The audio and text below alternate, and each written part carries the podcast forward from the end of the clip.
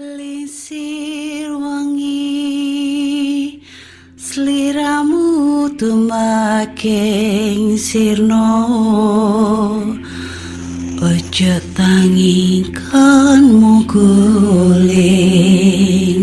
Awas jok ngetoro. Aku lagi bang wingo wingo. Jin setan tak Dudu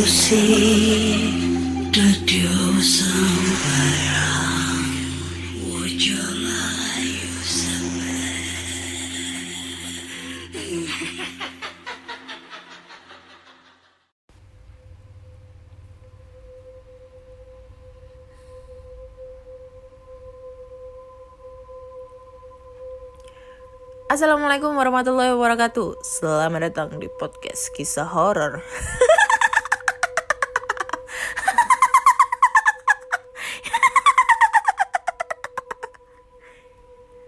Ketemu lagi dengan aku Ana di sini yang akan membacakan cerita horor ataupun email berhantu yang sudah dikirimkan teman-teman melalui podcast kisah horor at gmail.com ataupun di DM Instagram podcast kisah horor, DM Instagram Mana Olive serta eh, Google Form yang linknya tersedia di bio Instagram podcast kisah horor.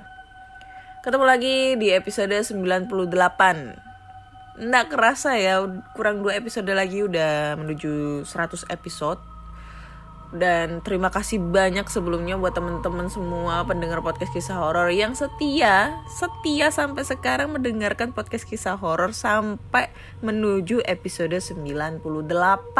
Aicie, mantap. ya, gimana kondisi di daerah kalian? Apakah sudah mulai musim penghujan? Kalau di Surabaya itu udah mulai hujan ya. Walaupun eh, belum belum terlalu sering-sering hujan tapi udah cuacanya udah sering mendung banget. Jadi hawanya hawa sejuk gitu loh. Surabaya udah mulai hawa sejuk. Dibandingkan sebelum-sebelumnya ya karena Surabaya udah terkenal banget karena apa? Cuacanya itu panas. Panas. Apa panas. Apa panas. Kayak gitu ya. Lalu karena banyaknya teman-teman pendengar podcast kisah horor yang menanyakan tentang masalah yang aku pakai di tangan. Aduh banyak banget nih yang nge-DM karena Hindu ya? Karena ini ya kok pakai pakai gelang itu gitu? Ash pokoknya banyak banget. Ya aku akan menjawabnya di sini ya karena sebenarnya aku tuh nggak mau ngejawab cuma terlalu banyak banget yang nanya sampai sekarang. Jadi aku jawabnya di sini aja di episode 98 so buat teman-teman semua kenapa pada nanya Kak Ana pakai gelang tridatu yang biasanya dipakai sama orang-orang Hindu gitu. Jadi ini ada sejarahnya guys gitu. So buat yang pertama yang sebelah kiri ini udah lama banget aku pakai, udah bertahun-tahun aku pakai. Ini sebenarnya ya ada sejarahnya lah, sejarah kelam gitu. Jadi ya gak usah aku jelaskan. So ini pemberian dari orang. Lalu yang kedua ini juga pemberian dari orang yang sebelah kanan ini ya baru-baru ada sekitar 2-3 bulan yang lalu. Ini gara-gara pas aku kan sekarang itu kegiatannya kalau pulang kerja itu suka kalau ngelihat ada kucing di pinggir jalan itu aku suka ngasih mat- ngasih makan gitu loh. Jadi setiap hari itu yang aku bawa itu makanan kucing terus di dalam tasku. Nah, kebetulan di area eh, deket-deket pura, deket di daerah mana ya? Aku lupa. Di daerah Perak situ. Nah, aku tuh ada lihat pertama itu yang aku lihat itu eh ada kucing. Jadi aku ad- ada kucing di situ lagi sama anak-anaknya gitu ya cari-cari makan. Nah, aku kan iba gitu. Jadi aku berhenti terus habis itu aku, eh, aku kasih makan kucing. Tapi sebelumnya aku izin sama yang penjaga pura mau ngasih kucing di depan tempat ibadah gitu loh. Kan ya nggak enak kan ya tempat ibadah masa dikotorin gitu. Tapi nggak nggak nggak di dalam puranya cuma di depannya gitu loh depan halamannya. Dan si penjaga itu memberi izin gitu loh. Kan saya izin nanti kalau sudah selesai kucingnya saya tungguin kok. Nanti kalau sudah selesai nanti saya bersihkan sisa-sisanya. Dan si penjaganya itu mengizinkan. Gak lama kemudian penjaganya itu ngampirin lagi. Terus ngasih lah ini gelang tridatu ke saya. Karena dia ngeliat saya pakai gelang juga tridatu ditanyain. Dipikir tuh saya mualaf gitu. Padahal dari lahir sampai sekarang alhamdulillah muslim gitu. Terus dikasih tridatu ya ibaratnya kayak eh, tanda apresiasi karena eh, apa ya ibaratnya itu ya kayak memperhatikan sesama sesama. Ya nggak lah maksudnya eh tanda terima kasih karena sudah memberikan makanan ke kucing itu gitu loh ibaratnya. Gitu. Jadi itulah sejarahnya kenapa aku pakai gelang tridatu di tangan kanan sama tangan kiri. Udah ya udah aku jawab ya semuanya ya. Yang mana yang pada nanya-nanya nggak usah nanya lagi udah aku jawab. Gitu. Oke kita lanjut ya langsung aja kita baca-baca cerita. Dan cerita pertama datang dari email. So kita langsung aja bacakan. Assalamualaikum Kak Ana. Mohon jangan disebut emailnya. Saya cuman project Eh saya cuman project Apa sih? Saya cuman Oh saya cuman project Yang waktu itu pernah mengirimkan cerita melewati DM Instagram Saya ingin berbagi cerita yang seram lagi di tempat kerja saya Dimulai dari resignnya pegawai yang bekerja di bagian dapur Oh ya, teman-teman podcast kisah horor. Jadi saya bekerja di coffee shop yang berada di kota Sukabumi. Kembali lagi ke cerita. SPV saya meminta tolong carikan orang yang ingin bekerja di coffee shop untuk bagian dapur. Tidak lama teman saya yang bernama Dika mengajak temannya yang bernama Nisa untuk bekerja di coffee shop tersebut. Nisa tidak tahu menahu soal gangguan makhluk halus yang jahil di tempat kerja. Kami pun yang bekerja sudah lama di situ sepakat tidak menceritakan hal-hal ganjil di tempat kerja. Takutnya dia malah tidak jadi bekerja. Dan membuat formasi kerjaan berantakan. Kami yang bekerja sudah lama di situ pun sudah biasa dengan gangguan-gangguan jin yang jahil itu. Mulai dari tertawanya kuntilanak, suara orang mengobrol saat sudah closing, eh, suara orang mengobrol saat sudah closing, orang berlari, sekelebatan bayangan hitam besar, dan masih banyak lagi. Beberapa hari kemudian, Nisa sebagai pegawai baru mulai merasakan keganjilan. Dari melihat anak kecil tanpa mata, Suara kakek-kakek memanggil nama Nisa di ruang staf, anjir lah. Bau busuk di dapur, dan di situ Nisa mulai ketakutan. Di situ pun Nisa memanggil untuk mengobrol sebentar di ruangan staf. Nisa bertanya kepadaku, Kak Cumen, Nisa mau tanya, di sini tempatnya angker apa gimana sih? Aku pun menjawab, angker sih enggak, Cuman udah lama aja nggak ditempatin. Udah hampir tiga tahunan lebih lah. Terakhir sih di sini kafe, eh terakhir di sini sih kafe, tapi udah lama gitu. Nisa pun menceritakan semua pengalaman ganjilnya kepadaku. Dan dia mengusulkan untuk mengadakan pengajian bersama staf-staf yang lain. Singkat cerita, pengajian pun dimulai.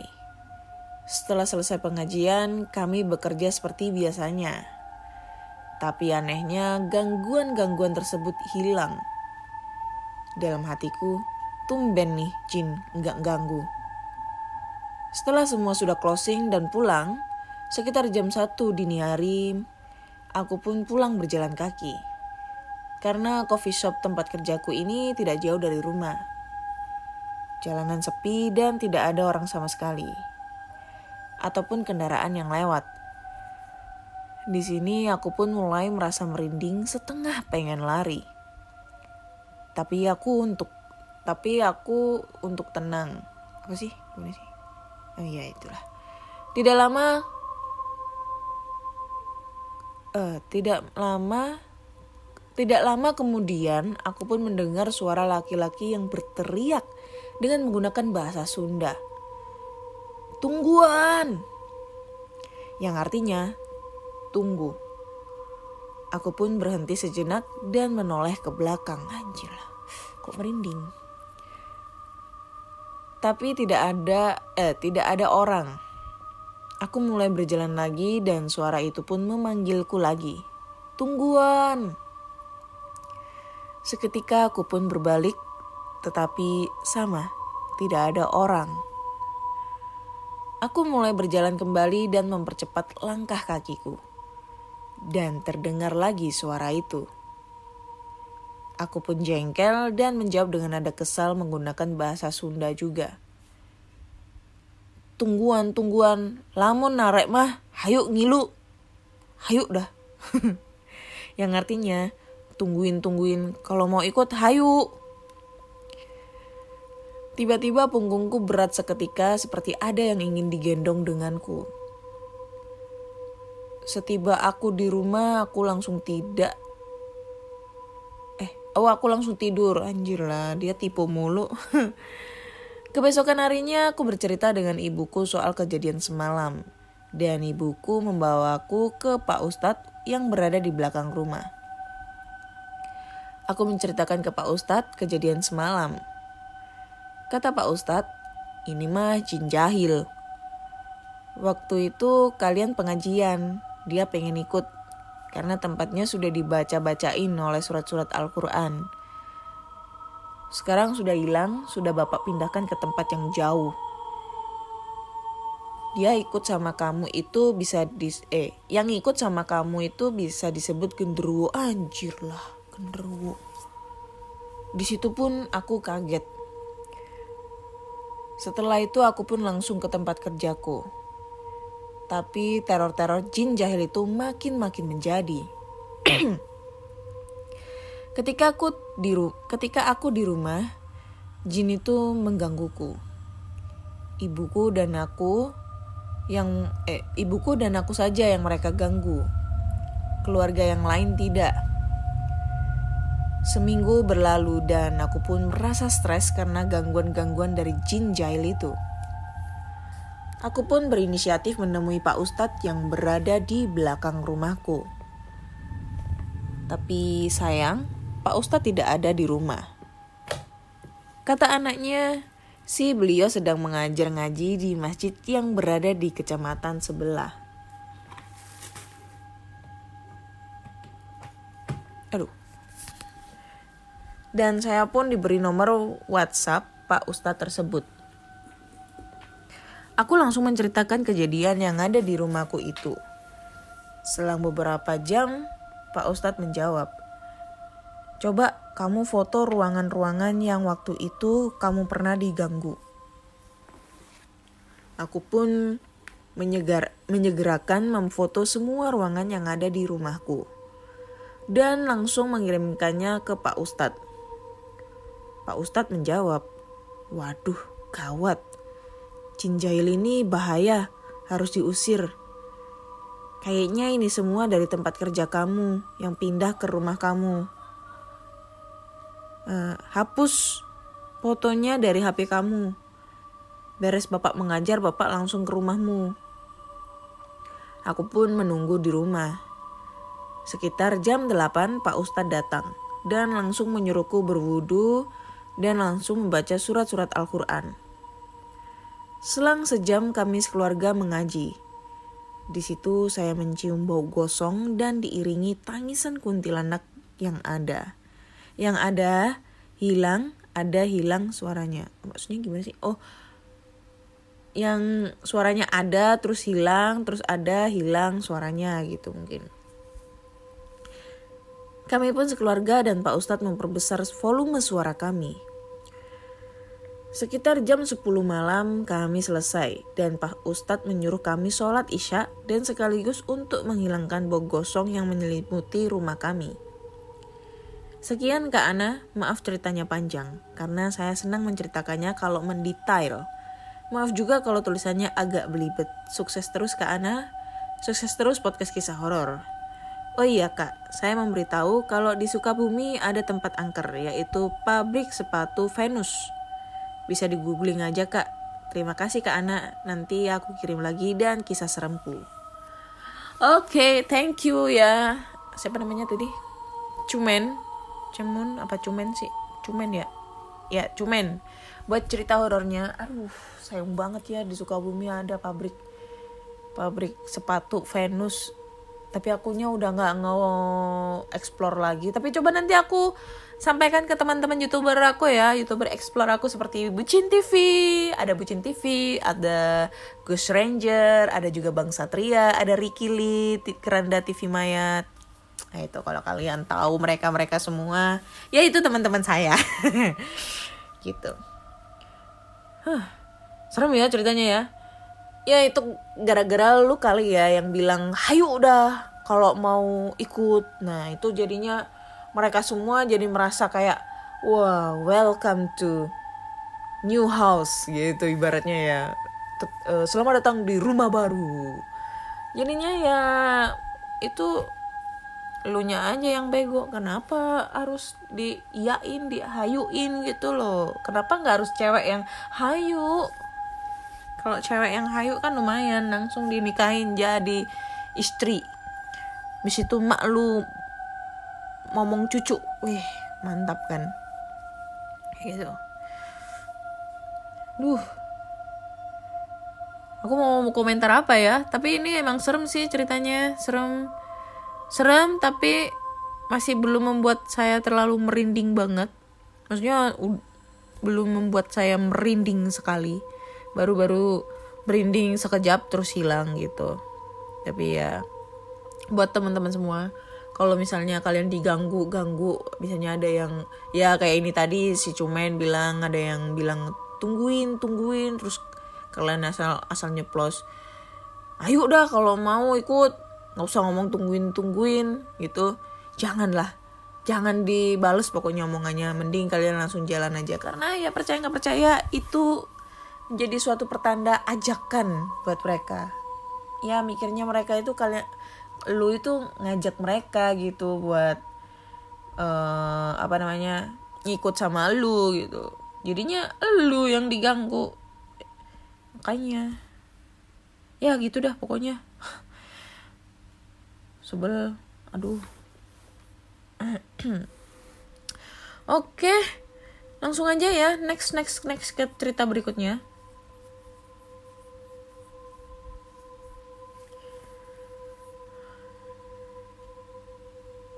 ini apaan nih? Terlalu banyak percakapan. Coba-coba lainnya dulu. Oke ini.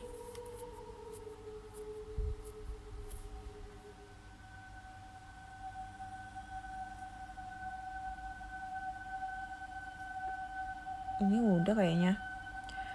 Ya inilah. Oke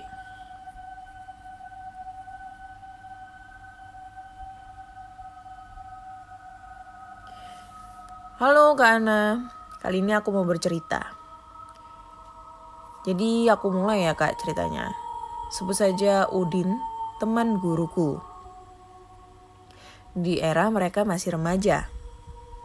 Malam itu hujan gerimis. Alangkah enak bila tarik selimut seperti pemalas. Tapi tidak dengan mereka. Cuaca apa pun tetaplah mengaji Kebetulan saja malam itu sedang hujan gerimis. Sepulang dari mengaji. Nah, si Udin ini pulang sendirian. Dengan sarung kesayangan yang disampingkan ke bahu macam orang ronda malam. Suasana malam di desa sangat beda di kota. Walaupun penerangan lampu sudah menyala, tetap masih gelap atau remang-remang karena masih banyak pohon dan kebun. Si Udin melewati jalan gang ini. Gang yang bersebelahan dengan gang rumahku. Hanya dibatasi jalan utama. Jika digabungkan masih lurus dengan jalan gang rumahku. Udin berjalan dengan santai. Tiba-tiba ada suara. Srek, gedebuk.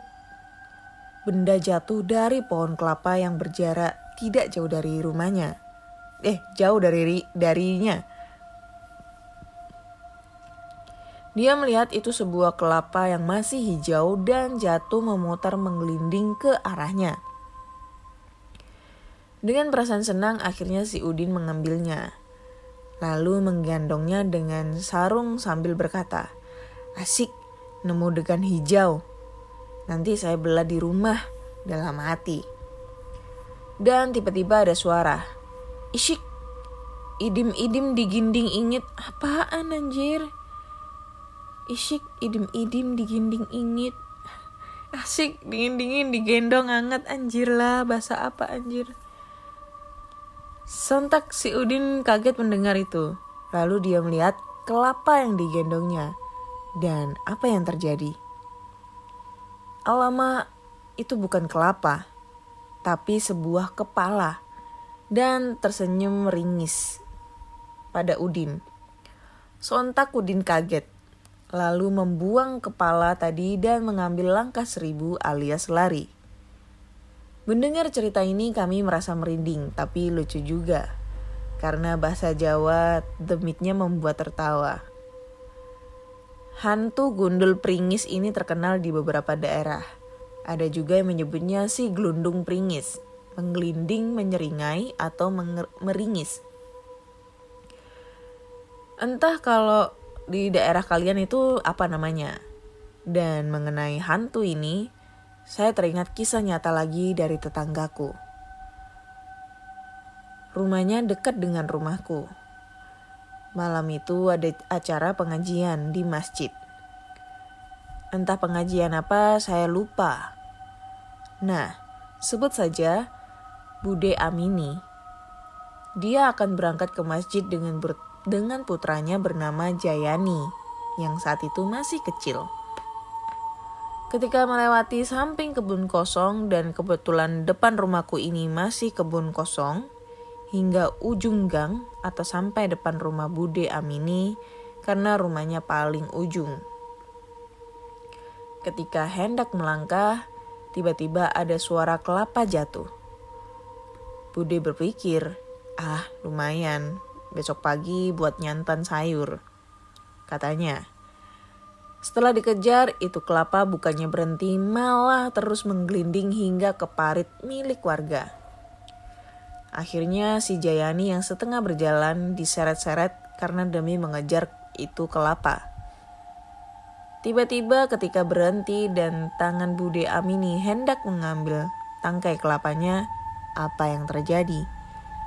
Kelapa itu meringis hingga terlihat giginya anjay.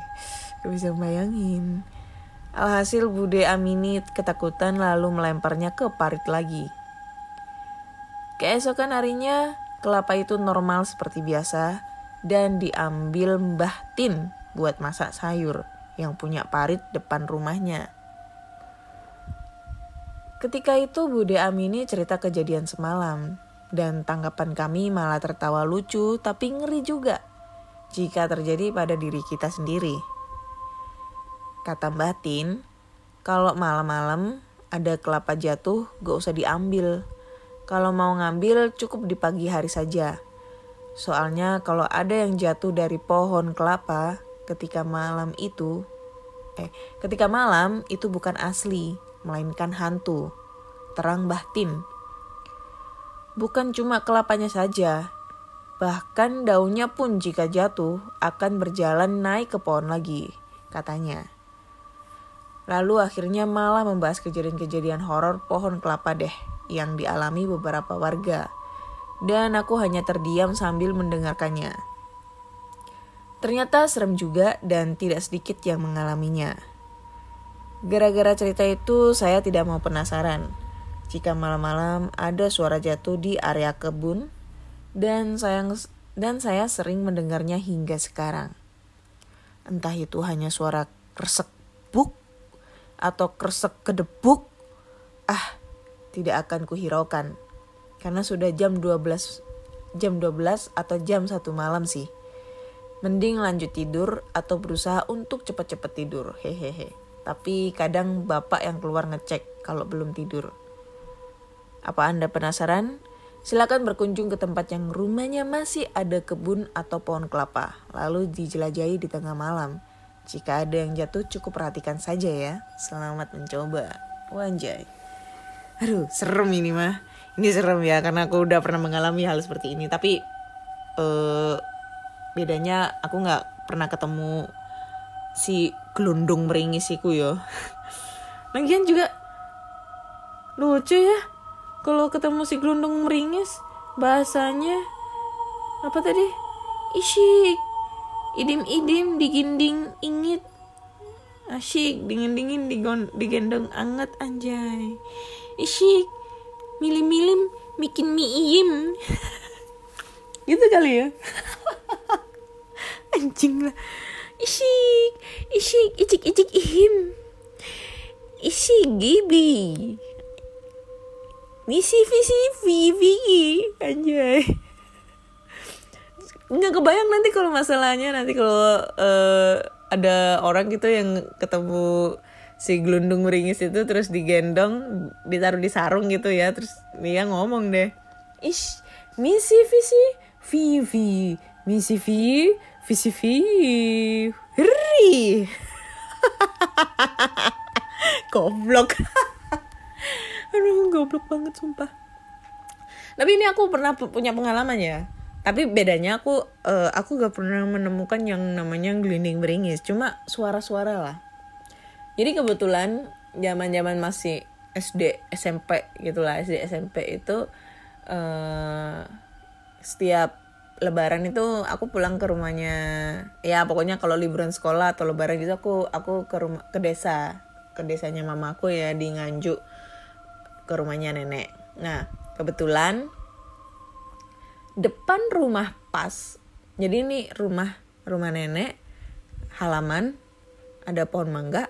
Nah di terus pokoknya rumah rumahnya nenek itu udah jalan raya udah jalan poros nasional. Maksudnya jalan poros nasional itu yang dilewatin antar provinsi gitu ya jadi di depan di depan rumah nenek itu berderet pohon kelapa itu ada sekitar 10 apa 15 pohon kelapa lah di situ. Nah, setiap malam jam 10 jam 11 itu hmm, sering kayak ngedenger kelapa jatuh gitu loh. Padahal emang sih itu kelapanya itu pas waktu itu ya waktu siangnya itu eh, saudaraku itu per- eh, udah ngambil kelapa gitu loh. Udah ngambil kelapa dan emang kelapanya seger-seger lah. Biasanya kalau udah ngambil kelapa itu langsung kita belah, kita minum gitu, minum bareng-bareng.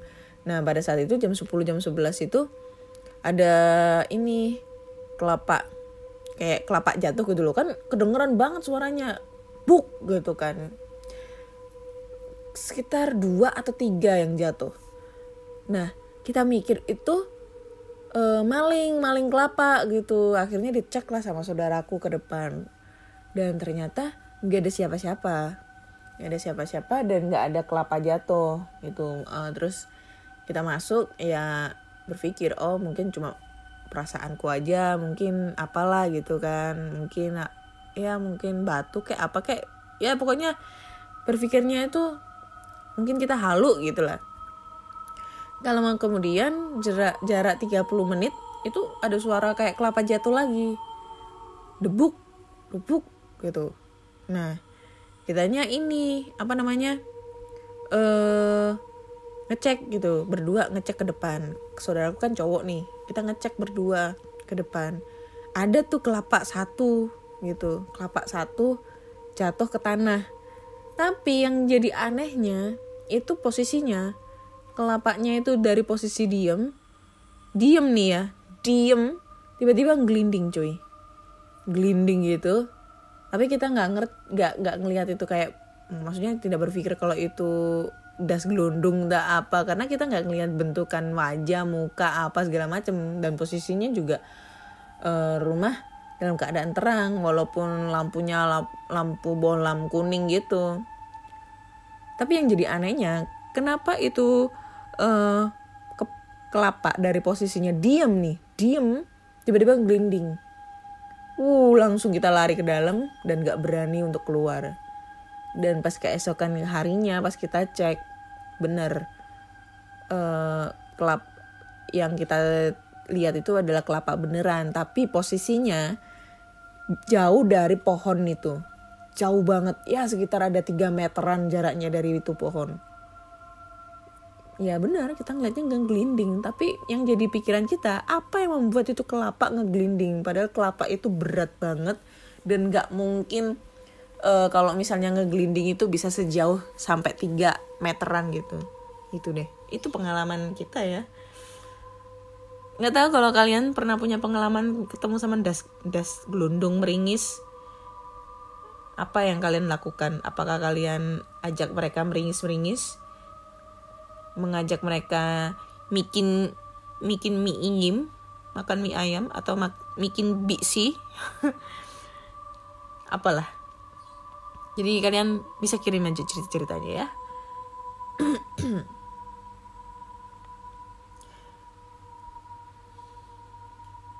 Oke.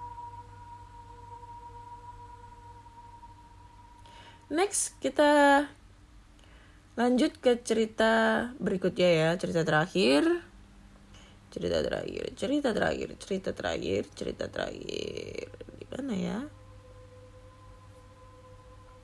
Oke, ini dia.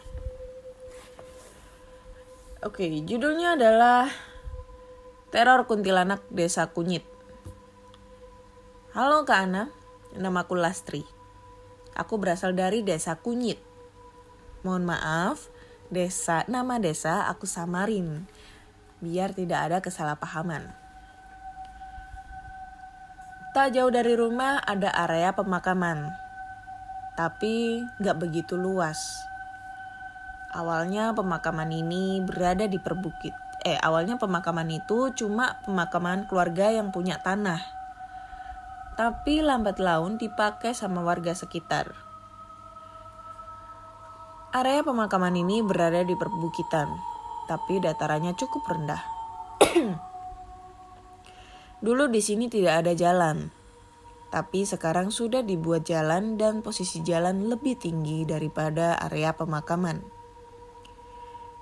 Di samping area pemakaman adalah persawahan. Di situ ada ada sawah bude sama sawah milik ayah. Setelah melewati area pemakaman, ada jalan pertigaan. Jalan lurus menuju hutan dan di dalam hutan ada makam keramat. Tak jauh dari hutan dan makam keramat ada perumahan penduduk. Tapi di situ cuma diisi sekitar 20 anggota keluarga. Kalau ambil jalan kanan, tak jauh dari situ ada rumah nenek dan tante. Sedangkan untuk sebelah kiri adalah area pesawahan yang luas. Balik lagi ke area pemakaman yang ada di bawah jalan. Di sisi kanan kiri makam ada pohon kamboja. Malam Jumat, terjadi hujan lebat bercampur angin. Salah satu pohon kamboja tersebut tumbang mengarah ke jalan. Pagi harinya warga berinisiatif untuk menebang pohon tersebut. Pohon sudah ditebang dan malam harinya mulai ada keanehan. Di area perumahan yang setelah melewati hutan, perumahan tersebut mulai didatangi oleh sosok kuntilanak. Oh, anjay. Dia terbang ke sana kemari sambil tertawa cekikikan. Malam itu warga tak ada yang berani keluar rumah. Aduh, kok merinding ya. Mereka menyepi dan dalam ketakutan.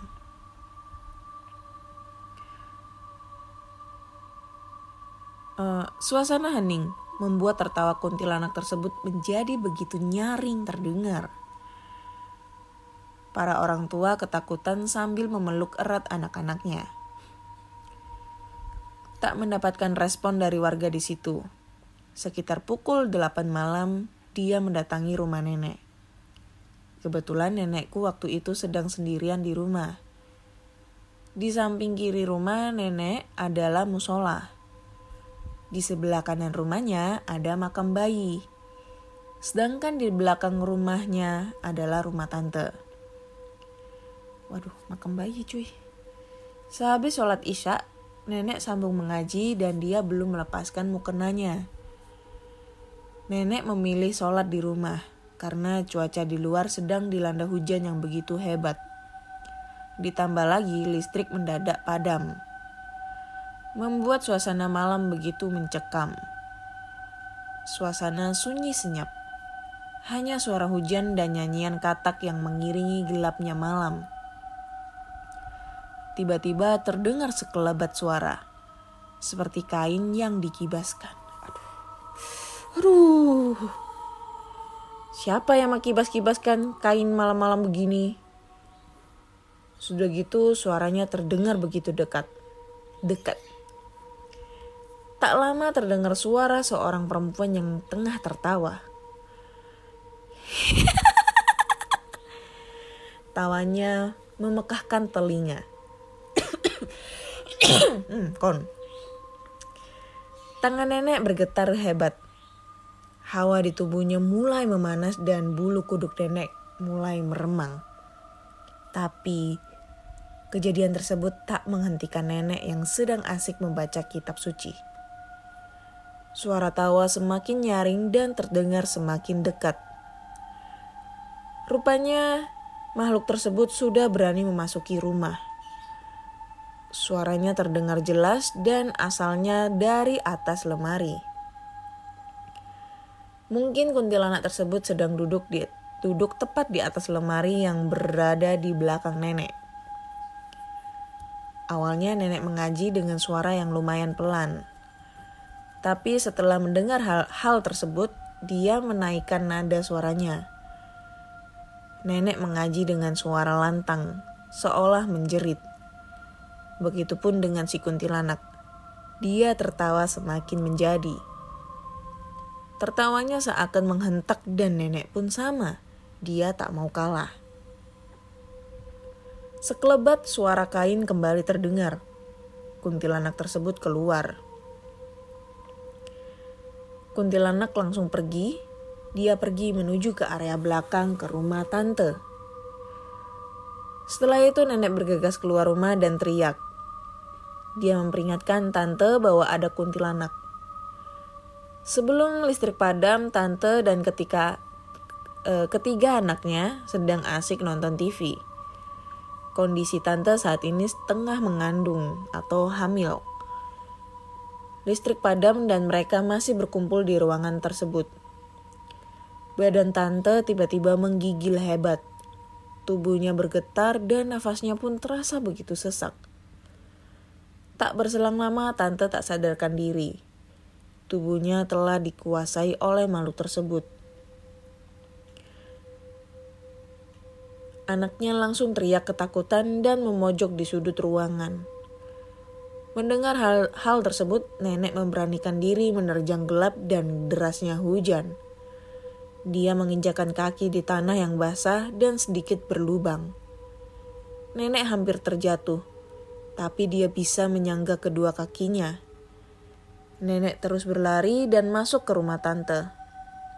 Secepatnya nenek menuju ke ruangan yang ada TV-nya. Terlihat ketiga anak tante sedang menangis ketakutan dan mereka berlari bersembunyi di belakang neneknya. Nenek menyuruh sosok tersebut untuk keluar, tapi dia berusaha melawan. Dengan sedikit ilmu yang pernah nenek pelajari, akhirnya dia bisa buat sosok tersebut kepanasan dan langsung keluar meninggalkan tubuh tante. Uh, sakti nih nenek. Tante langsung jatuh tergolek lemas di atas tikar. Mereka mencoba mendekati tante dan menyandarkannya.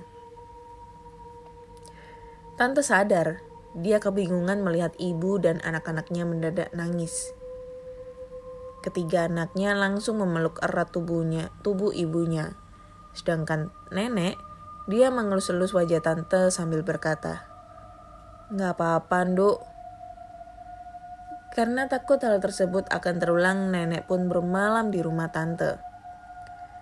Di sebelah jalan rumah nenek, kanan dan kirinya ada pohon bambu. Pukul 10 malam terdengar jelas suara kuntilanak tertawa. Entah habis muter-muter dari mana dan kini dia kembali mendekat. Dia tertawa cekikikan. Suaranya terdengar jelas dari arah pohon bambu tersebut. Tak lama, ayah lewat jalanan itu. Dia melihat sekelebat bayangan putih masuk ke area pohon bambu. Ayah penasaran dan mengikuti sosok tersebut. Terlihat tak jauh dari jalan dia memandang di dalam kumpulan pohon bambu yang berdiri ada sosok anak kecil memakai kain putih lusuh, berambut panjang dan tengah menangis. Sosok yang tadinya tertawa mendadak menangis. Setelah wujudnya terlihat oleh salah satu manusia. Terlihat dengan jelas sosok tersebut duduk di salah satu pohon bambu yang membengkok. Tak lama sosok tersebut pergi. Sekelebat kain melayang di udara, dia terbang meninggalkan ayah. Sosok kuntilanak tersebut kembali menyeringai tertawa. Dia pergi menuju rumah warga yang sore tadi sudah dia datangi. Warga yang tadinya sempat merasakan ketenangan, akhirnya mereka dirasuki kembali dengan rasa ketakutan. Kuntilanak itu terbang ke sana kemari, mencari rumahnya yang hilang. Pohon Kamboja, rumah si kuntilanak yang sudah tak ada. Karena rumahnya sudah ditebang sama warga. Hampir semua warga tak bisa tidur di kala malam. Mereka diselimuti rasa ketakutan yang mencekam. Warga resah karena tak hanya semalam kejadian mengerikan itu menimpa mereka. Setiap malam sosok kuntilanak selalu mengganggu warga dengan suara tertawanya yang membuat siapa pun mendengarnya ketakutan. Akhirnya, ada inisiatif dari beberapa warga yang mengajukan acara syukuran. Acara syukuran diadakan di musola yang berada di samping rumah nenek. Setelah dilaksanakan acara syukuran, Malam harinya sosok kuntilanak itu tak lagi mengganggu warga. Warga pun bisa tidur dengan nyaman. Thanks ke Ana sudah dibacakan. Mohon maaf jika ceritanya kepanjangan. Dan ini berdasarkan kisah nyata. Oke, okay, thank you Lastri buat ceritanya yang begitu panjang dan menyeramkan dan aduh gak bisa dibayang ya. Gimana kalau itu seandainya terjadi sama gue gitu loh. Maksudnya yang dihantui kuntilanak karena secara aku udah pernah mendengarkan suara kuntilanak tertawa entah itu halu entah itu beneran ya yang udah pernah aku uh, posting di feed Instagram aku suara kuntilanak tertawa di dalam kamarku. Karena emang sih kebanyakan ada anjay apa tadi anjay? Halu halu halu halu halu halu halu. Oke fokus. Kurang dikit lagi. Jadi uh, setelah banyak uh, orang-orang orang-orang dan teman-teman yang aku kasih dengan uh, video tersebut banyak yang mengira kalau video yang aku posting di Instagram aku itu beneran pertama beneran ber yang kedua itu halu. Karena emang posisinya pas ketawa itu uh, ketimpa dengan suara TV gitu.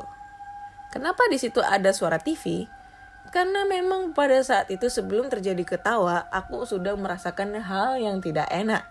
Maksudku tuh udah ngerasa yang apa ya? Ngerasa udah ngerasa ketakutan dulu lah karena sebelum uh, suara tertawa terjadi itu udah udah ada suara-suara nangis kayak suara-suara apa kayak gitu kan. Nah, itu waktu itu aku emang inisiatif buat ngerekam pada saat aku tidur. Dan HP aku nyalain dalam mode video, terus aku taruh di meja dan posisi mejanya itu menghadap ke pintu. Karena mikirku itu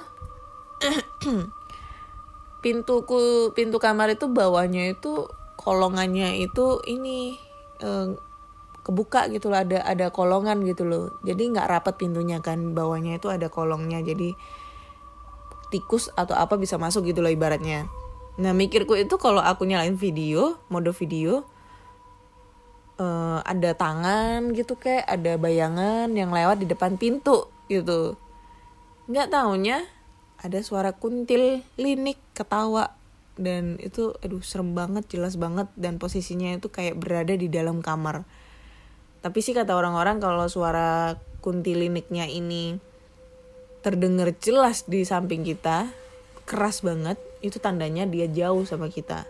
Tapi kalau suaranya terdengar samar-samar nah itu baru dia itu posisinya itu ada di dekat kita gitu. Ya walaupun itu posisinya dekat atau jauh tetap aja serem anjir. Suara ketawanya itu anjim lah serem banget gitu loh. Jadi ya nggak bisa gak, apa ya membuat aku nggak bisa tidur.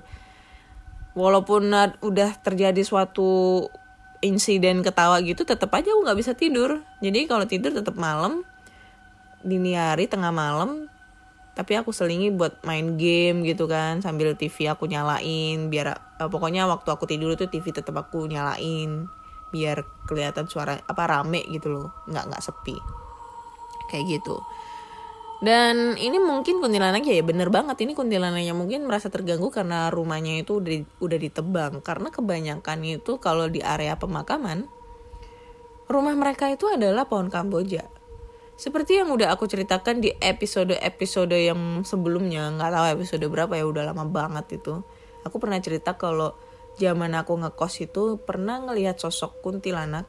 Ini temen aku ya pernah ngeliat sosok kuntilanak itu lagi duduk di atas pohon kamboja. Dan memang kos aku dulu itu posisinya itu belakangnya adalah makam. Jadi e, kalau kita ngelihat jendela itu jen, luar jendela itu udah makam dan posisinya itu kelihatan banget pohon kamboja yang tinggi dan gede banget dahannya itu dan temen aku ngeliat dia lagi duduk-duduk santai sambil mengayun-ngayunkan kakinya di atas pohon kamboja. Kebayangkan, kebayangkan gimana seremnya anjing lah. Kayak gitu. Uh, mana ya itu jadi makanya ini juga buat peringatan buat teman-teman semua yang lagi hamil ya yang memang masih percaya dengan hal-hal yang begituan tolong kalau lagi mungkin kakaknya, ibunya atau siapa pun nah mungkin kalian juga lagi mungkin lagi hamil. Kalian bisa berjaga-jaga dengan menggunakan membawa peniti, jarum atau apa pun lah yang ada e, berhubungan dengan benda tajam atau gunting lipat. Karena di situ e, apa namanya? bisa mengusir mereka gitu loh dari gangguan-gangguan jahat kayak gitu itu sih dari pengalaman dari saudara-saudaraku yang ada di desa kayak gitu gitu deh oke cukup sekian dulu cerita kali ini udah tiga cerita yang aku bacakan dan ketemu udah selesai di episode 97 So buat teman-teman semua yang yang punya cerita-cerita horor, entah itu pengalaman diri sendiri, kakak, adik, ayah, ibu pelakor, selingkuhan atau siapa pun aja, Kalian bisa kirim cerita kalian ke podcast kisah horor at gmail.com ataupun di DM Instagram podcast kisah horor dan DM Instagram Ana Olive. Dan uh, jika kalian mempunyai, oh jika kalian mempunyai dan kalian bisa langsung aja follow. Uh, bingung jadinya, nggak fokus jir merinding sumpah. Kalian juga bisa follow podcast kisah horor di Spotify kalian agar kalian selalu update cerita-cerita horor terbaru. Dan nantikan ada project baru tentang podcast kisah horor. Nantikan aja project barunya podcast kisah horor bersama ada deh. Pokoknya jadi jadi jadi ini ya, jadi uh, surprise buat kalian dan surprise buat saya sendiri karena ya pokoknya ah pokoknya tungguin aja dah. Gitu deh ya. Terima kasih buat semuanya dan nantikan di episode 99. Bye bye.